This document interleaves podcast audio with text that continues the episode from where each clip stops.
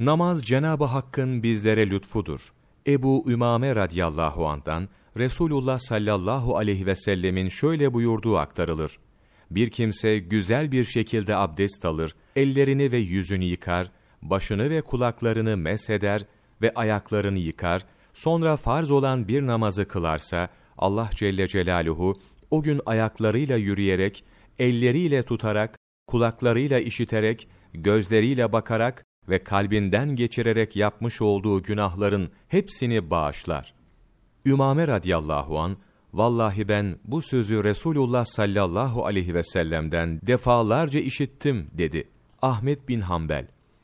Bizler devamlı günah işliyoruz. Allah Celle Celaluhu'na isyan ediyoruz, emirlerinden yüz çeviriyoruz. Emirleri yerine getirmekte eksiklik yapıyoruz. Bunların karşılığında adaletli ve kudret sahibi olan Allah Celle Celaluhu katında cezalandırılıp yaptıklarımızın karşılığını görmemiz gerekirdi. Keremine canımız feda olsun. Mevlamız kendine yapılan isyanın ve emirlerini çiğnemenin telafisi için bize bir yol göstermiştir. Eğer biz bundan faydalanmıyorsak, bu bizim anlayışsızlığımızdandır. Allahu Teala'nın rahmeti ve lütfu kullara ulaşmak için bahaneler aramaktadır. Bir hadiste bir kimse yatarken teheccüd namazına kalkmaya niyet eder de uyanamazsa o namazı kılmış gibi sevap alır. Uykusu da kendisine bedavadan kar kalır buyurulmuştur. Allah Celle Celaluhu'nun bağış ve lütfunun sınırı var mı ki? O kerim olan zat bol bol verirken almamak ne kadar acı bir nasipsizlik ve ne korkunç bir zarardır.